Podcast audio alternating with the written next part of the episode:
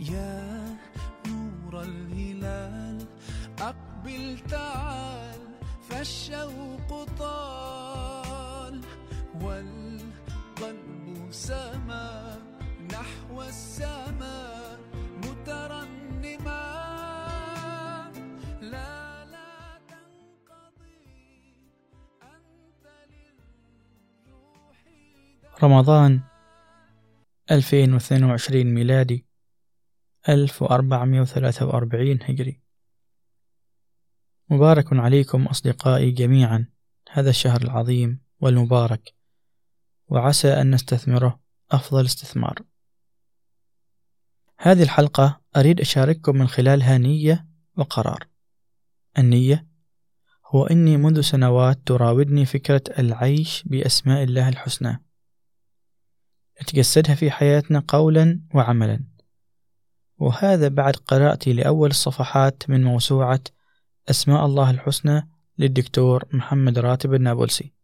بعدها تكاسلت مع أن هذه الفكرة ما زالت ومستمرة تعيش في داخلي. وكنت عاقد العزم أني بحققها في يوم من الأيام وأجرب هذا الشعور. وطبعا بكمل عليها بإذن الله كسلوك حياة طبيعي وسلس. أسماء الله الحسنى تمثل أعلى القيم والدين هو القيم. يقول الله سبحانه وتعالى ذلك الدين القيم وفي آية أخرى قل إنني هداني ربي إلى صراط مستقيم دينا قيما أيضا هو الصراط المستقيم. اللي نسأل الله أن يرزقنا إياه في كل ركعة اهدنا الصراط المستقيم فكيف لو عشنا في الصراط المستقيم من خلال أسماء الله الحسنى؟ كيف تتخيل البركة والطاقة اللي أنت تكون عليها عندما تكون متصل دائما في كل يومك بالمصدر الله سبحانه وتعالى؟ على العموم قبل أسبوعين تعرفت على دورة للدكتور المبدع أحمد عمارة اسمها اختراق المجال الطاقي وبدأت معه هذه الرحلة لأتفاجأ بعدها أن محورها هو عيش الأسماء الحسنى واللي بدأنا فيه بالعيش في أول يوم من شهر رمضان هل هذه صدفة؟ أو هو قدر؟ طبعا شعرت بأنه قادتني الأقدار إلى هذه الدورة للتذكير إني أعيش شهر رمضان هذا بأسماء الله الحسنى ما كلها طبعا ولكن أختار منها لأن عندي الحياة بأكملها ولكن شهر رمضان شهر بداية. فبدأت الفكرة تكبر وأعيشها إلى أن قرأت جملة رمضان شهر الرحمة والغفران والعتق من النيران. وكذلك الجملة المشهورة كحديث نبوي ولكني قرأت إنها ضعيفة أو لا تصح نسبتها عن النبي صلى الله عليه وسلم. ولكنها في نفس المعنى أوله رحمة وأوسطه مغفرة وآخره عتق من النار. فتأملت كيف ممكن أبدأ بعيش أسماء الله الحسنى في هذا الشهر. ووجدت أن أسهل طريقة عملية ممكن تكون من خلال تلك الجملة اللي تعودنا عليها كل سنة ومرتبطة بشهر رمضان. فالرحمة هي تجلي اسم الله الرحيم. والمغفرة اسم الله الغفور. والعتق من النار ممكن تكون تجلي اسم الله التواب. بعد ما تاب علينا واعتقنا من النار. فليش ما نقرب ونختار نعيش هذه الثلاث أسماء خلال هذا الشهر؟ هو تدريب عملي رائع وبيستمر كل مرة مع اسم تريد تعيشه وتكون أنت تجليه في الحياة وتنفقه على من حولك. بعد ما تشحن هذه الطاقة تفهم المعنى تعمل به كسلوك أنت تكون متصل بالمصدر الأعلى اللي هو الله سبحانه وتعالى ومن خلاله تكون أنت تجلي اسم الله هذا مع الناس أو مع الحياة. فشوف كيف بركة أن تكون أنت الصلة بين السماء والأرض بين الله ومخلوقاته بين الله والكون. فالرحمة مثلا تعني أن تبدأ بنفسك ترحمها بتجنب كل ما يضرها على المستوى النفسي أو البدني. أتكلم عن شهر رمضان كبداية. فمن الرحمة أن ترأف بجسدك بعد الإفطار وتعطيه ما يعينه ويقويه بدل عن تتعبه وتنهكه بمأكولات مضرة أو بكميات كبيرة جدا.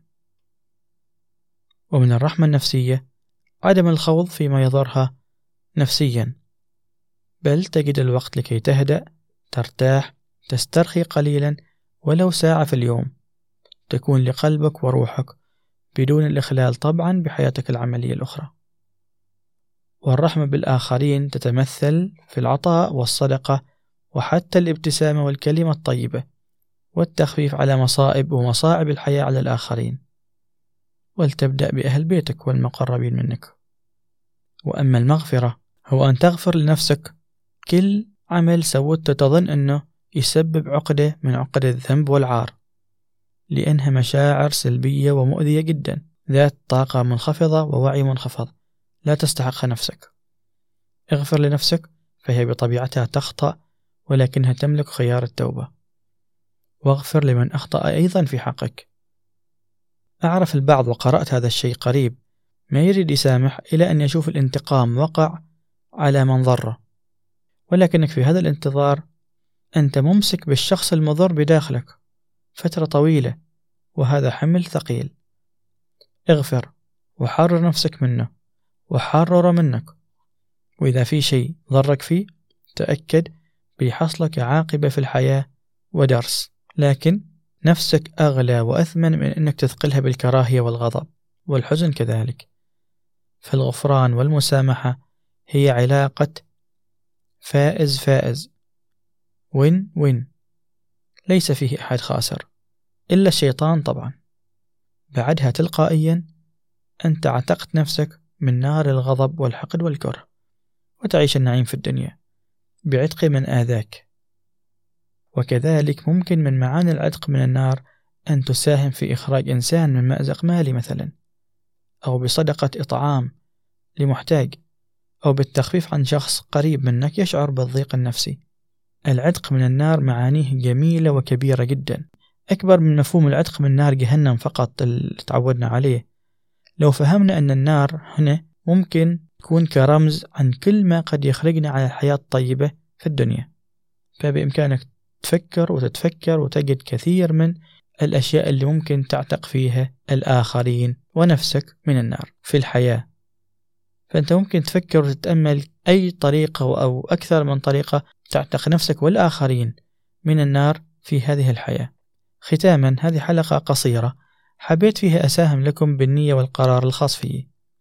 وأتمنى تشاركوني إياه ونتجسد بأكبر قدر ممكن في هذا الشهر المبارك بأكبر عدد من أسماء الله. أو نتخيل بأن اسم الله الرحيم سيعم الكرة الأرضية والكون لأن المسلمين كلهم يشعوه وينفقوه ويتجلوا به. سواء علموا بذلك أو لا لأن الصدقة تزيد في هذا الشهر وحب الخير يزيد والعطف يزيد.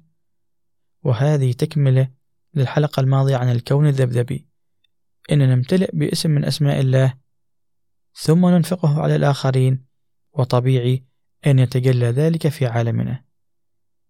يلا خلونا نسمح للتجلي يكون أكبر من خلالنا مساهمة وعطاء منا لهذا الكون كله. كنت معكم فيصل الرحيلي وهذا بودكاست تنوير. الله يتقبل منكم ويقويكم وأشوفكم على خير. إلى اللقاء.